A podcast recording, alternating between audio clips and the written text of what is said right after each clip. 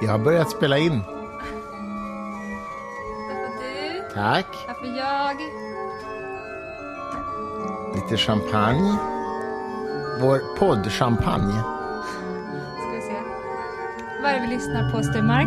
Jag men, kan sänka alltså- lite grann. Ska jag veta det? Det är du som är liksom den klassiska musikens mästare i den här familjen. Att det här att du alltid ska fejda, vad är det om? Men det här är, det här är Bach. Ja, Ja. fast det var ju för att du kollade nu. Jag såg ju det. Nej, men ba Bach känner jag ändå igen. Och beroende på Gödel Bach, tror jag. Men, men jag kan inte säga mer än så. Men det kan du. Eh, toccata and och fuga i D minor. Men vad var det jag tänkte säga? Eh, stäng av det här nu. Ja, okej, vänta. Okej. Först beordrar jag dig att sätta på det och sen säger jag barskt till dig att stäng av. Mm, Irriterad också. Precis. Men vad jag tänkte säga? Jo, säger, uttalar inte amerikanerna Bachs namn på det sinnessjukaste sättet? Hur säger de då? Bach. Nej, Jo, det låter ju helt koko. Bach. Oh my god. Ja, gud. Sturmark, jag eh, har bjudit in dig till denna poddafton därför att jag skulle vilja höra vad du tycker och tänker om Napoleon som politisk ledare och människa. Du är så rolig. Du är så besatt av Napoleon. Och du tycker att jag ska ha en åsikt om Napoleon. Vad kan du om Napoleon? Vi Nej, jag, jag kan i stort sett ingenting annat än att han förlorade slaget vid Waterloo, vilket ledde till Abbas vinst i Eurovision Song Contest 1970, vadå? Tre eller något? Alltså, eh, frågar du mig det? Nej, det är inte så att du inte. tänker så här tysk-franska kriget och att han sedermera skapade reformer som ledde till EUs grundande och så, utan det är ABBA Nej. som din direktlänk går till Napoleon mentalt. är din darling, inte min. Nej, jag vet, jag vet, men jag vill ändå ungefär veta vad du vet om honom. Vet du någonting mer? Nej, i stort sett ingenting faktiskt. Nej, men du vet att han var... Jag vet att du vet han- att han var fransos. Ja, och han fängslades och sattes på Elba, va? Det här är ju en liten kuggfråga, det här med... Och jag vad- vet vad- att Bertrand Russells farfar hälsade på honom där. Ja, det där måste vi komma till. Jag vill inte börja där. Nej, men... Men nej. det här med att han var fransos är ju en liten kuggis eftersom han Mm, För det föddes... var han inte då, eller vadå? Som Jacques Brel som var fransk nationalskald och inte fransos heller, utan belgare. Ja. Precis, där stängde alla fransmän av den här podden, eller de med franskt påbrå. Så och armelift. Ja, han var, Jacques Brel var ju, han sjöng ju på flamländska Mm. från början, men sen blev han fransk nationalsångare. Eh, sångare. ja, tillbaks bara till kan- Napoleon. Jag tycker inte det. Vi, tillbaks till Brell en kort Okej, stund. ja. Bland de starkaste sakerna som jag tog med mig från hans dokumentären om Jacques Mm. Brel, det var att han cyklade i de här eh, flamländska alléerna Mm. med sin cykel när han var ung. Och att han cyklade så fort han bara kunde tills han rasade samman. Mm. Detta gjorde han när han var redan 8, 9, 10 år gammal. Cyklade så fort han bara kunde tills han bara inte klarade mer. Är inte det en signal om att man har en, en beroendeproblematik coming for you, så vet jag inte vad. Ja, men alltså, han var ju naturligtvis en extremt komplicerad person. Jag, jag älskar ju Jacques Brel, det vet du. Och, eh, alltså hela hans, alltså hans sångskatt, denna otroligt smärtsamma gestaltning som han gör. på du, Jag har ju visat dig när han uppträdde på scenen. Alltså, det finns ingen artist idag som kommer ens i närheten av hans scennärvaro, hans smärta, hans gestaltning av sina sånger, tycker jag. Mm. Ja, han, Den är han helt exceptionell. ju som människa, Ja. vilket också ledde till att han behövde dricka jättemycket och inte orkade uppträda mer. Precis, jag tror att det var 1964 eller 66, jag är osäker, som han helt enkelt slutade. Han sa så här, det här är min sista konsert, jag, gör aldrig, jag kommer aldrig mer stå på scenen. Mm. Han kräktes innan konserterna och mådde, liksom hade scenskräck. Och bara sa, nu räcker det. Och sen så gjorde han några skivor till i och för sig, han spelade in. Och, och sen slutade han med det också. Och så flyttade han till Karibien tror jag. Men, ja, så här var det, när han sa tack och adjö till Frankrike och att uppträda på scen, Mm. då tog han sin senaste kvinna och åkte iväg med henne på en segelbåt ihop Mm. med sin dotter. Och det är som upplagt för, trodde att det gick bra. Men vart Nej, hamnade nej han? vänta, det gick inte bra Nej. kan jag säga. Så det slutar med att Jacques Brel sätter av sin dotter på en just det. ö efter bara några dygn och säger eh, du funkar inte ombord på den här båten, tack och adjö till dig. Och det är också så typiskt för den sorten som jag ansåg att han var, att säga adjö till sitt, till sitt barn istället för... Helt sinnessjukt. Mm. Nej, jag minns inte vilken ö det var som han sen flyttade till. och körde postflygplan. Ja, han tog flygcert och delade ut post mellan de här små öarna i den här lilla ögruppen. Jag minns inte heller vad, Mm. vilken det var. Och levde där ett antal år i alla fall och liksom Mm. flög post. Och, och sen så kom han tillbaka till Paris först när han blev svårt sjuk, cancersjuk i Ja, lungcancer. nej, han spelade in en skiva faktiskt innan dess. eh, och den gjorde. sålde, han kom tillbaka till Frankrike för att marknadsföra den skivan. Och den sålde sådär, du vet, tre miljoner på tio dagar. Det var en enorm fanbase som han hade. Alltså. Ja, nej, men han var ju fantastisk. Alltså, du, jag har ju visat för dig när han gör sången Session La, eh, heter den, eh, på scenen. Alltså det, det, är, det är så otroligt... Alltså jag kan inte se den utan att bli enormt emotionellt påverkad. Det är en Mm. sån otroligt stark scengestaltning. Och han är, ju, han är ju nästan grotesk när han sjunger den. Han har ju ett kroppsspråk och Han ett... liksom- blir dem han sjunger Ja, han blir de För han att han, sjunger. det är sjunger som om små mannen. teaterstycken, liksom. tre, fyra minuters Och han teaterstycken. gestaltar alla karaktärer Ja. under hela sångens gång. Helt otroligt. Men apropå tidiga varningstecken på beroendeproblematik Mm. så kommer jag också tänka på Per-Olof Per-Olof Enquist Mhm. som i sin bok Mitt liv, eller heter den Ett liv, berättar om att han tog aspirin, vad heter det på svenska, aspirin? Ja, Ja. och från sin mammas badrumsskåp och la flera stycken sådana under tungan på eftermiddagarna. Och att han sa själv, var inte detta ett tecken på att någonting skulle köra åt fanders senare i livet? Så är väl ingenting det. Alltså bara en intressant sak om Jacques Brel är ju, jag upptäckte ju Jacques Brel i mina tonår genom David Bowie, vilket ju är en lite ovanlig väg. Men det är ju för att David Bowie, eller så här, Jacques Brel gjordes på engelska för första gången av Scott Walker. Scott Walker, sångaren, tolkade Brel på engelska. Och det hängde ihop med att man satte upp en musikal i England, eh, förlåt, i USA som hette Jacques Brel is alive and well and living in Paris. Och där man översatte hans låtar till engelska för första gången. Och Bowie tolkade ett par av dem. Han gjorde Amsterdam. Hur gammal och, var han då? Ja, det är en bra fråga. Tidiga 20-årsåldern eller var det här senare? Nej, men det här, ja, Bowie, oj, oj, oj, nu ställer du kuggfrågor. Okej, vi behöver inte Nej, göra så. men han var ju jätteung. Alltså, det här var ju när han var Ziggy Stardust, 1972, 73 typ. Då tolkade han Jacques Brel på engelska. Amsterdam och My Death. Och eh, två Jacques Brel-låtar alltså. Som Bowie gjorde på engelska. Oerhört bra. Och jag upptäckte Bo, eh, Jacques Brel genom Bowie faktiskt. Och sen blev jag förälskad i, musikaliskt förälskad i Jacques Brels egen, egen musik liksom efter det. Eh, ja. Men tillbaks till Napoleon, Ja. säger vi då egentligen. Ja. Ehm, en liten, liten brygga med pro- beroendeproblematik där också, för att jag tror ju verkligen att Napoleon var sexmissbrukare på riktigt. Eh, annars... Det var nog Brel också i och för sig. Men Ja, det tror jag verkligen att han var. Eller hur? Ja. Men inte Bowie. ja, det vet jag inte ärligt talat. Han provade väl allt möjligt åt alla Jo, men, det möjliga är håll och kanter. ja, men det är nog olika saker, tror jag. Ja, men just det här att eh, jag, jag vill sluta dricka, men jag kan inte. Samma Mm. sak gäller ju, jag önskar att jag inte behövde ligga med någon nu, men jag måste göra det i alla fall. Ja, det vet jag inte om Bowie. Nej, nej. Brel kan jag tänka mig, för att han var ju väldigt sårig i sina relationer till kvinnor överhuvudtaget. Han hade, förlåt, men han hade lite den auran också, Brell. Är det någon som hade en en sexmissbrukar-aura så var det ju Brell. Okej, jag kan inte riktigt bedöma det, men det är möjligt att du har rätt. Nåväl, Napoleon var det i alla Napoleon- fall, men- säger du. Mm. Ja, jag tror faktiskt det. Eh, Vad säger Napoleonsällskapet här nu i Sverige när du säger detta i vår podd? Där du var medlem en gång i tiden, ja, jag var som det. ung kvinna med typ urgamla män i övrigt. Min mamma sa ju till mig när jag återigen körde den här klagovisan det finns ingen som vill prata om sånt som jag vill prata om. Eh, jag bara sitter och läser och tänker så mycket och jag kan inte ventilera det här med någon. Det är så himla synd om mig. När sa du det? Eh, jag var 26-27 och då hade jag sagt så sen kanske sju års ålder. eh, och för en gång skulle så sa hon inte de kommer Victoria, de kommer, bara vänta, du hittar ditt sammanhang så småningom. Utan hon sa just då, eh, gå med i en förening då, barskt. Gå med i en klubb. Gå ut på nätet nu och sök efter vilka som vill prata om det du vill prata om. Och då hittade du Napoleonsällskapet Ja, när du var 26. ja, Ja. precis. Helt självklart naturligt val för en 26-årig tjej. Ja, Ja.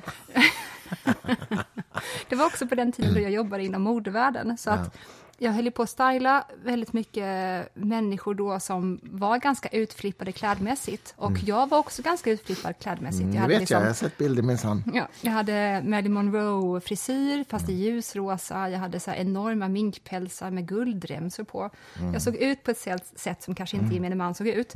Och i en sån utstyrsel så dök jag upp på Napoleonsällskapet. Matchar ju perfekt med de här 70-åriga männen i Napoleonsällskapet som är militärmuppar. Vad heter det? Military overinterested Jag visste persons. ju inte det. Ja, ja. Jag hade då, eh, jag ska också tilläggas, eh, läst historia i längre tid på Stockholms universitet och konsthistoria. Mm. Så att det var inte bara så att jag var någon Jeppe som hade läst Herman Lindqvist Napoleonbok och kände Nej. vad kul han var, vad kul det vore att prata om honom, utan jag har ju en akademisk bakgrund Mm. från början.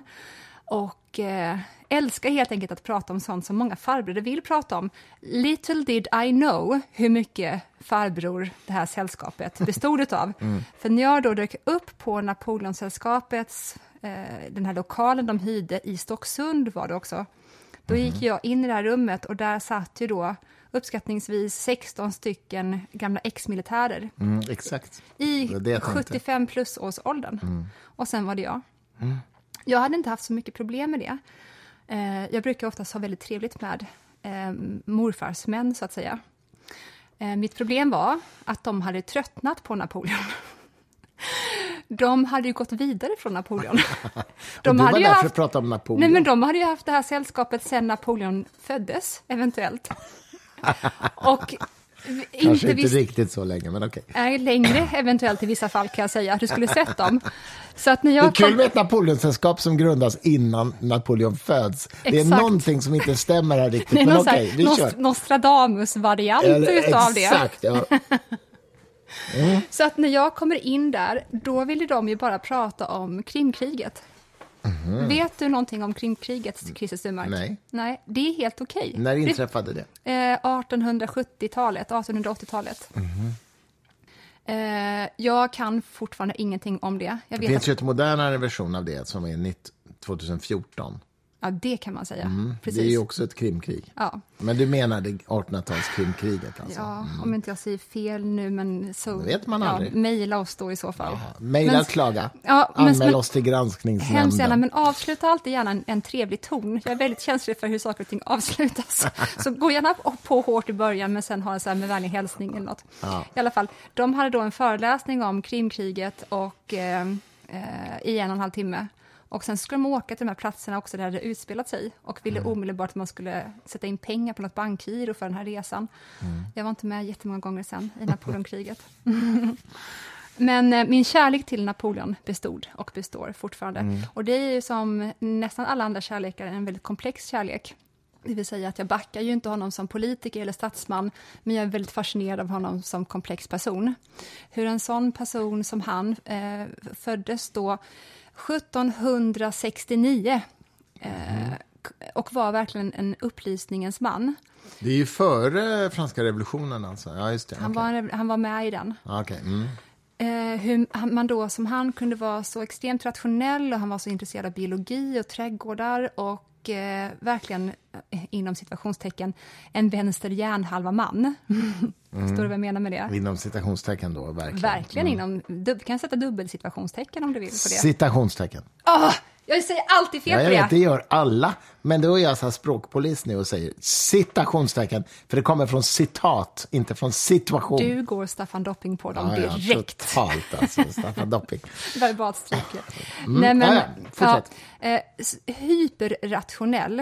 Eh, en analytisk förmåga som jag inte kan se att någon 1700-tals statsman som kom vid makten i alla fall besatt Mm. på den nivån med Napoleon. Och sen samtidigt gör han de här otroligt uppenbara misstagen. Mm. Till exempel invadera Ryssland under vintern. Man gör inte det. Alla vet att man gör inte det.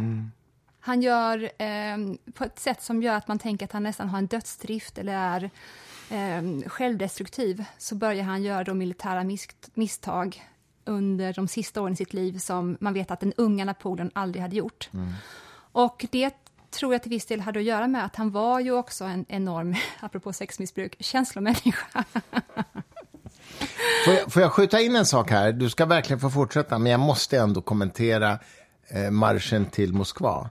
Därför att ja, jag inser att jag associerar väldigt wild and crazy nu. Men det finns ju en professor i USA som heter Edward Tufte som, som mm. har skrivit en fantastisk bok som heter The Visual Display of Quantitative Information som handlar om hur man genom historien har visualiserat kvantitativa data på väldigt kreativa sätt. Och en av de mest berömda kartorna, det är ju en karta över hur Napoleons armé marscherar mot Moskva. Och där man har med i den här kartbilden eh, väldigt många variabler. Man, dels har man en, den här, vad ska jag säga, tjockleken på den här linjen som går mot Moskva den smalnar av successivt beroende på att armén dör. Mm. Och sen så har man en temperaturskala i den här kartan också. Så att när temperaturen är väldigt låg, då ser man att den här smalnar av extra mycket. Mm. Och sen avviker den på vissa ställen och, det beror på, och, och smalnar av kraftigt och det beror på att det var någon strid där och sådär. Så det här är liksom en, en berömd karta med, med avseende på the visual display of quantitative information, alltså att man visuellt åskådliggör numeriska data på ett mm. pedagogiskt sätt. Mm. Eh, och det är just Napoleons marsch till Moskva. Ja, mm. för den gick ju inte helt hundra. Nej, den gick inte så bra. Det The visual man. display ser inte bra ut. Nej, det, det kan man ser vem som helst. kan man lugnt säga. Och när han då bestämmer sig för att bryta den här pakten som han då hade med tsar Alexander och invadera Ryssland 1812, mm. då har han ju med sig, jag tror, eh, förlåt ifall det inte är helt exakt, runt 300 000 man mm. från Legande armé, som då mm. var hans armé. Mm. Och eh, när han återvänder tillbaks hem igen, då är de runt 70-80 000 istället.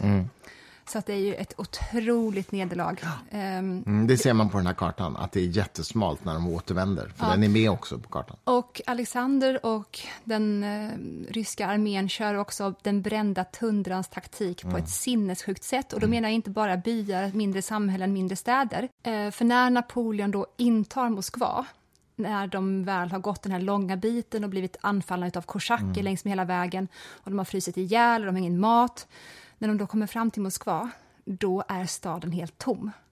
Och de tänker, vad är det här för någonting? Mm. Och Napoleon tar in i palatset, i det kejserliga palatset och hela armén tas in där och de tänker, eh, var är alla för någonstans? På natten så vaknar Napoleon av att det lyser in genom fönstren. Hela rummet är upptänt. Mm. Och han rusar fram till fönstret och då inser han att staden brinner. Då har alltså armén, den ryska armén och tsar Alexander släppt ut alla fångar eh, och sagt att om ni blir frisläppta så har ni ett enda uppdrag och det är tänd eld på er huvudstad. så de har alltså tatt, de har tömt staden på människor och sen så kvar är fransmännen och sen mm. så börjar det brinna. Otroligt. De haltar ut därifrån, ännu mm. färre. De hittar aldrig Sal Alexander, det blir inget konkret möte med honom, utan de bara återvänder hem fast mindre än en tredjedel mm. kvar utav mm den ursprungliga arméns storlek. Jag vill bara säga en sak till om detta och det är att jag har en, en och det är säkert många fler som har mer än jag, och det är ju att innan Napoleon gjorde det här ödesdigra att anfalla Ryssland så hade han ju skilt sig från Josefin. Mm. Josefin var ju äldre än Napoleon och hon hade två barn sedan tidigare från ett tidigare äktenskap. Och hon hade också flera stycken aborter i bakgrunden mm. som gjorde förmodligen att hon blev steril. Mm. Men Napoleon då som när de träffades inte var Europas eh, imperiekejsare utan han var bara en newcoming inom armén visste ju inte att han skulle en dag behöva stå inför valet Josefin eller makten vid Frankrike. Mm. Så att han behövde ju skilja sig mm. med Josefin för att gifta sig med någon som kunde ge honom en arvinge vilket han då till slut tog ett beslut om. Och han kallade alltid Josefin för sin lyckliga stjärna. Så länge han hade henne vid sin sida så skulle allting gå bra. Det var vad han trodde på i alla fall. Men så, så skiljer han sig från Josefin för att gifta sig med Marie-Louise från Österrike istället, som är då typ 19 år gammal eller mm. något sånt. Och hur gammal är han då? Ja, men vad kan han vara då? 40 plus i alla fall då. Ett gap couple med andra okay. okay. Ja, fortsätt. Ja. Och eh, hon, Marie-Louise, är ju någon sån där nätt, blond, blåögd människa som inte alls i alla fall han upplever samma emotionella kontakt mm. med Josefin. Han älskar Josefin. Och från och med den här skilsmässan så börjar han begå de här sinnessjuka misstagen, Napoleon. Han kommer så ur spel. Mm. Och jag tror att den här hela fälttåget till Moskva är en del av hans självdestruktivitet som han upplever när han har eh, separerats från den som var hans allt. Mm. Men jag, jag vill... Ganska, jag vill säga det, det är liksom ett, nästan ett expanderat självmord. Det är ju, destru, det är ju, det är ju inte rimligt. men, men det här är innan han sätts på Elba, va? Ja, det var det. Eh, 1814 så tas han till Elba. Eh, efter då det här nedlaget i Ryssland. För att då har ju Ryssland ihop med Preussen och England, bland annat Österrike också, eh, gått ihop och helt enkelt omringat honom och kan enkelt knipa honom. Och så sätter de honom då eh, på Elba, som är den här ön i, ja, väster om Italien. Mhm. Ja, jag vet inte. Men jag vet att Bertrand Russells farfar hälsar på honom. Det är ganska kul ändå. Alltså. Ja, det är otroligt. Bertrand Russell som ju dog typ 97 år gammal på 70-talet. Mm. Han växte upp med sin farfar och hans farfar hälsade på Napoleon på Elba. Alltså det är ju så, det är så liksom connection to history som är jävligt Det är cool. obehagligt att man kan sitta och kolla på Bertrand Russell på Youtube. Ja, och, där där, ja, och där sitter han och ser ut som, ja, inte en man av vår tid direkt. Nej, kanske inte direkt. Men... Men, men det känns inte som att han är jättelångt borta. Och det vet Nej. man att hans farfar hälsade på Napoleon. Ja, ja, det är så coolt. Men du måste berätta den här historien om när Napoleon återvänder. För jag tycker den är så cool. Alltså. Du har ju berättat den för mig off camera, höll jag på att säga. Nu får du berätta den i podden. Ja, men Napoleon eh, hade ju fixering vid att anlägga trädgårdar överallt. Mhm. Och eh, ordna naturen på ett Carl från Linnéet-aktigt vis. Var han autistisk, tror du? Eh, jag vet inte. Jag vet inte det faktiskt. Nej, nej det är svårt. Det, han Mm. är svårare där. Men när han då har organiserat hela, eh, trädg- alla trädgårdar på Elba och han har sett till så att postväsendet fungerar bättre och gjort allt det han kan vad det gäller infrastrukturen, han bygger broar och sådana saker. Då börjar han få tråkigt och då har det bara gått ett år. Då ska han ändå spendera resten av sitt liv på Elba. Så att då börjar han ju att eh, planera för sin flykt.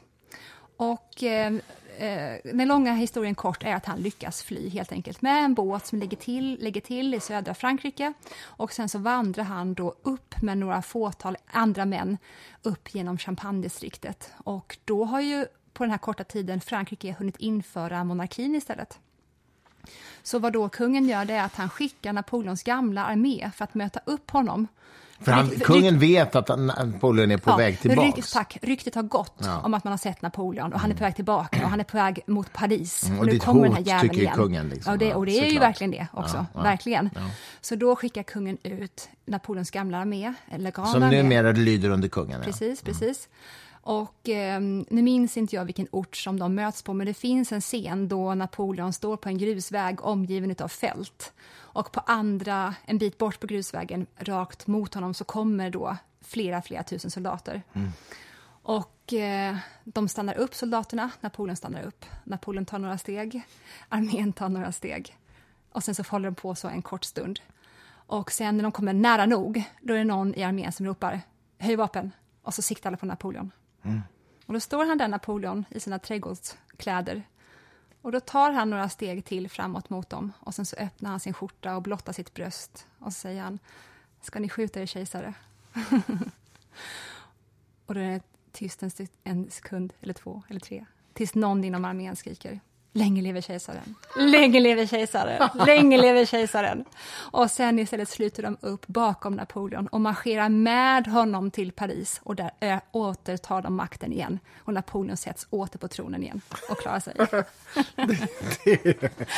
Det är en vacker historia. Ja, du är ju inte precis detta. du är, du är ju inte en supermonark-fantast. Nej, verkligen inte. Skål! Skål! Eh, Skål. underbart störta monarkier lite här och Vi där. kommer ju ha, vill jag också berätta för er kära lyssnare, att vi kommer ha såna här återkommande eh, fixeringar som kommer dyka upp. Eh, För vi är lite fixerade. vi är olika fenomen och personer och tankegods, får man säga. Napoleon kommer vara med oss ibland i podden, Mm. på samma sätt som Gödel som vi pratade om förra veckan. Eh, Ja men, det, ja, men det är bra. Det är bra. Men du, visst är det så att det finns ju en historia också om the greatest movie never made. Mm. Kan du inte berätta det? Det är ändå lite kul. Det har ju med Napoleon innan Stanley Kubrick gjorde Barry Lyndon så hade han ju väldigt långtgående planer på att göra en film om Napoleon för att Kubrick, liksom jag, var helt fixerad vid Nap- Napoleon. Kubrick var för övrigt en jättebra schackspelare, visste du det? Nej, När, Gud, ehm, det är ju fantastiskt. när Kubrick... Det, det, alltså människor som är det, de åker upp några steg i mitt anseende per automatik. Alltså. Kubrick försörjde ju en kort tid hela sin familj på att spela schack i Central Park. Eh, när han, För pengar då? för pengar, precis. Och när man har pratat med honom i intervjuer när han var i 50 plus-årsåldern och man frågar honom hur bra var du då egentligen? Då sa han, ja men jag låg ungefär på 54 plats bland spelarna i Central Park på den tiden. Och de var ju grymma och jätte, jättemånga. Och de spelade om pengar. Kubrick gick till Central Park runt 12-tiden och sen gick han hem runt 18-tiden. Och då hade han med sig sin Gud, dagskassa hem. Ja. Heath Ledger var för övrigt också en bra schackspelare. Ja. Han gick Du också till Central Park och spelade. Det, samma dag som han dog hade han suttit i Central Park och spelat. Han begick ju så kallat ofrivilligt självmord sen genom eh, mycket tabletter på ett hotell sen. Det där påminner mig om att du finansierade dina studier med nätpoker. ja, det gjorde Det är jag. ju eh, lite liknande faktiskt. Ja. Istället för studiemedel. Men det var för att jag inte heller hade upptäckt schack då ordentligt. Nej. Och, Och, att var... du hade fotografiskt minne så du kommer ihåg alla kort som gick. Det var ju det som var poängen. Det är därför du vann. Ja, i Texas Hold'em så är det inte så många kort som går. Men jag var, Jag ändå, jag jag var ändå ganska bra på att beräkna sannolikhet. Mm. Det hjälpte. Och sen så var jag bra att låtsas som att jag hade en hand som jag kanske inte riktigt hade. Mm. Jag förstod vad för markörer som andra fick rött flagg för och så vidare. Men nu är det schack som gäller för dig också. Ja, det det gläder mig, för det, det det, det kör vi ju båda som, som vi har pratat om förut. Mm. Nej, men tillbaka ja, till ja. Mm. Kubrick och Napoleon. Kubrick, ehm, efter Lolita och efter Dr. Strangelove Mm. Så ville han ju då göra en biopic om Napoleon Bonaparte, Bonaparte sa man på italienska och Bonaparte på franska. Mm. Och han hade manuset klart, eh, kostymen var helt färdigsydd och färdig. Han hade finansieringen helt färdig. Jag har alltså en jättetjock bok eh, som, där allt Kubricks insamlingsmaterial om den här produktionen finns. Finns att köpa på Amazon för övrigt. Eh, och sen så när de väl ska börja spela in, då visar det sig att Christopher Plummer ska spela eh, i en Napoleon-film. Och den har premiär, den alltså hinner få premiär innan som Kubrick börjar spela in. Och eh, det, den här filmen om Napoleon floppar något så utav helvete och den var jätte, jättedyr. Vilket innebär då att Kubrick som står med kamerorna klara, alla finansiärer drar sig ur på ett ögonblick. Så det blir ingenting utav den filmen. Det är därför den kallas the greatest movie never made. Ja, den kallas för det. Nu ska man eh, veta att han vars namn jag glömt bort som gjorde den senaste eh, James Bond-filmen, mm, Daniel Craigs sista James Bond-film, han har nu fiskat upp Kubricks manus och kommer göra en miniserie utav detta istället. Ja, Så vi håller tummarna för det. Samtid, Nice. ja, verkligen. Samtidigt kommer Ridley Scott att göra en långfilm om Napoleon med Keanu Reeves, nej inte Keanu Reeves, vad heter han för guds skull som spelar Jokern? Eh, Jacqueline Phoenix heter ja han ju för guds skull. ja. Mm. Jacqueline Phoenix kommer spela Napoleon. Så att risken Ja, är att det blir häftigt. ännu en åter... Min tilltro till Ridley Scott är inte jätte, jättestor. Jag tycker att han har blivit gammal och trött och att han inte har gjort någonting bra på jättelänge. Så att risken är väl då att Ridley Scotts film får premiär innan miniserien och därmed så förtunnas intresset för Napoleon ut inför Mm. att en eventuellt bra miniserie skulle komma ut. För mig är Ridley Scott för evigt förknippad med Apples reklamfilm från 1984 för Apple Macintosh. Känner Mm. du vet du om det? Nej. Alltså, okej. Ridley, eh, Ridley Scott fick i uppdrag av Apple att producera en reklamfilm som skulle sändas under amerikanska Super Bowl, de här sporttävlingarna. Eh, så att det var en jättestor reklamsatsning. Och där, han, där de lanserar Apple Macintosh, du vet, Macintosh-datorn. Och de gör det på ett otroligt finurligt sätt därför att det, de anspelar på George Orwells 1984. George Orwell, för övrigt, hette ju inte George Orwell, han hette Eric Blair, men det var hans pseudonym. Ja. Och eh, eh, den här filmen går ut på att man, man, man får se hur människor, gråa, så att säga, arbet, liksom slaves typ, vad ska man säga? fabriksarbetare, eller vad man ska kalla det, styrda människor, sitter i en stor biosalong. Alla är så här gråa, lika klädda. Och så har man på en, på en stor bioduk så har man Big Brother som talar till dem. Det här anspelar ju på boken 1984.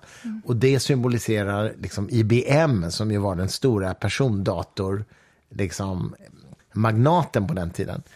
Och in i den här salen springer en flicka i, jag tror att hon har röd klänning, jag är inte säker på det, men någonting, no, någonting färg. springer med en slägga och så springer hon fram till den här skärmen och krossar den med den här släggan. Och bakom den står Apple Macintosh Och och säger Hello World, typ. Som var det.